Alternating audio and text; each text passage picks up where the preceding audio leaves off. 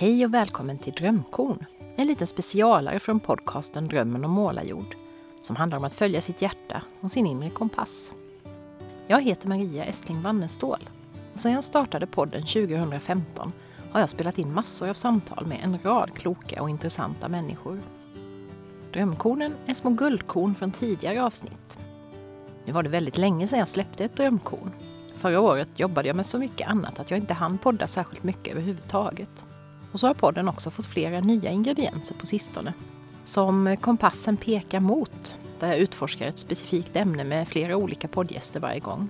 Och det väldigt färska specialspåret Vad händer nu?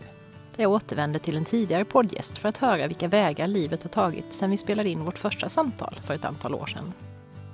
Drömkornen är ju också en form av tillbakablick i miniformat och den här gången ska vi göra några nedslag i ett mycket spännande samtal jag hade med kursledaren och forskaren Jonas Nordström som bland annat arbetar vid Arizona State University i Phoenix.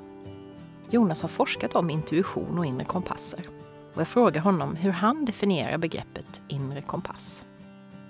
För mig, min inre kompass är ju att stanna upp och förnimma hur jag reagerar fysiskt och emotionellt på eh, olika val jag gör Mm. Så att när jag gör val och framförallt svåra val så försöker jag vara kongruent både mentalt, emotionellt och fysiskt. Så att det jag gör eh, känns rätt emotionellt och i kroppen. Kontra att jag gör en sak, känner en annan sak och gör en tredje sak. Jag ber också Jonas om att ge några konkreta exempel på hur han själv har använt den här inre kompassen. Så efter Afghanistan 2002 när jag kom hem där, då började jag ju alltid reflektera över saker och ting. Men då var det ännu mer så här reflektera över vad är det för val jag gör? Och sen så skedde något, var det fem år senare, där jag hade väldigt mycket stress i livet. Så i den perioden och efter det så började jag fundera, hur gör jag mina val utifrån att jag kanske har en bild av att vara övermänsklig eller klara mer än vad jag klarar av. Mm. Och att kroppen ljuger inte. Så att då tittar jag tillbaka på större beslut i livet som har varit mera avgörande och kom fram till att när jag är kongruent och, får som en inre signal som för mig oftast är att det kan ja, pirra till i magen och jag blir varm i bröstkorgen och jag känner mig exalterad och inspirerad. Och då kommer jag ihåg som en tydlig situation, det var när jag skulle bestämma vad jag skulle studera på universitet och satt med papper till civilingenjörsutbildning där man också skulle läsa språk. Och så pratade jag med min, mina föräldrar om det där och kände en sån värme i kroppen. Och sen så gjorde jag det och utkomsten av det var att alltså, det var bra för mig. Och det blev en ja, bra upplevelse.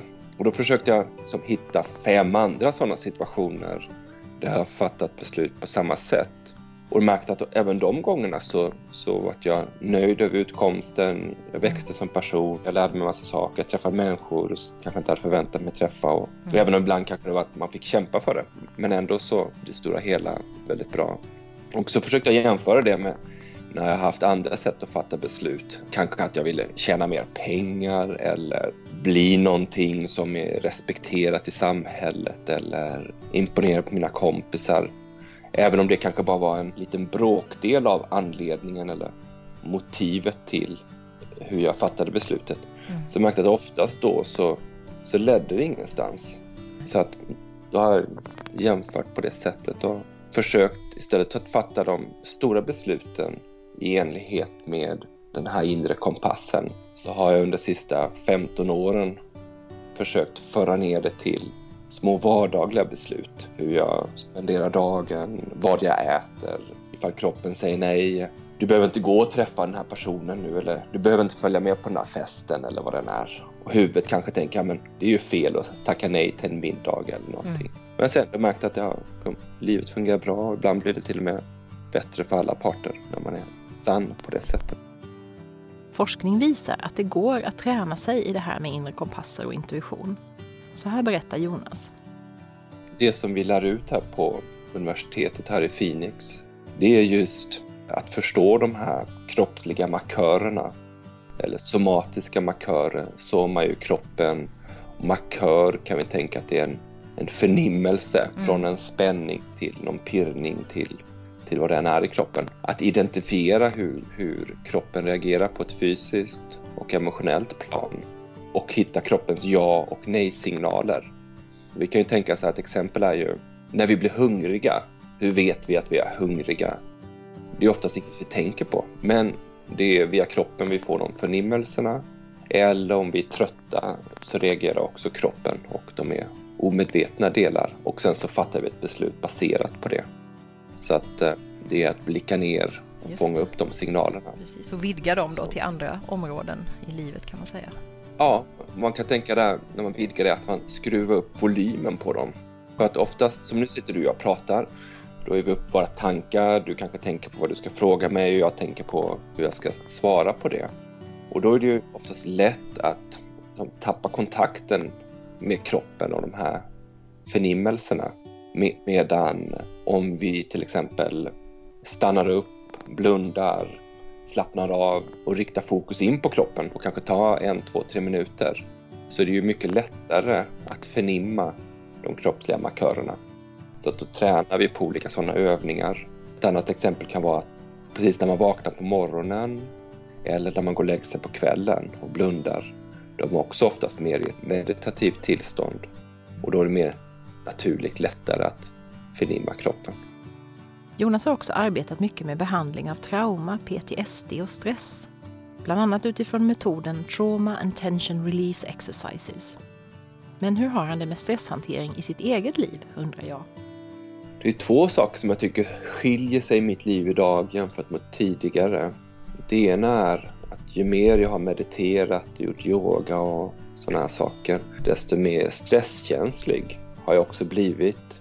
Och med det menar jag desto bättre har min förmåga blivit att förnimma hur kroppen mår. Vilket gör att jag kan inte ha riktigt samma tempo som tidigare. Om jag gör något så vill jag oftast komma tillbaka från, exempelvis att träna, då vill jag komma tillbaka från träningen och vila lite, äta innan jag gör nästa sak. Eller hållit en tre timmars kurs. Istället för att springa på vä iväg direkt efter så brukar jag vilja komma hem och landa ner och nollställa nervsystemet. Så det innebär sak nummer två då att jag har mycket mera utrymme i livet. Jag, gör, jag springer på färre saker så att jag kan ha mer utrymme. Den intressanta upptäckten där tycker jag är att då blir det att om jag har den urskiljningsförmågan istället för att göra fem saker som jag hoppas ska leda någon vart. Ifall jag lyssnar på de här fem sakerna och känner efter vilken kroppen säger ja till, då blir det att kanske räcker att göra två av de här fem sakerna och jag får samma resultat.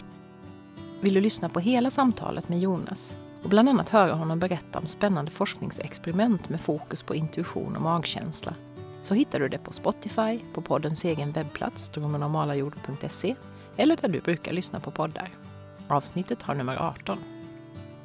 I nästa lilla drömkorn ska du få möta eldsjälen Fredrik Bergman som bland annat varit med och startat det sociala företaget Macken i Växjö. Tack för att du har lyssnat och hej då!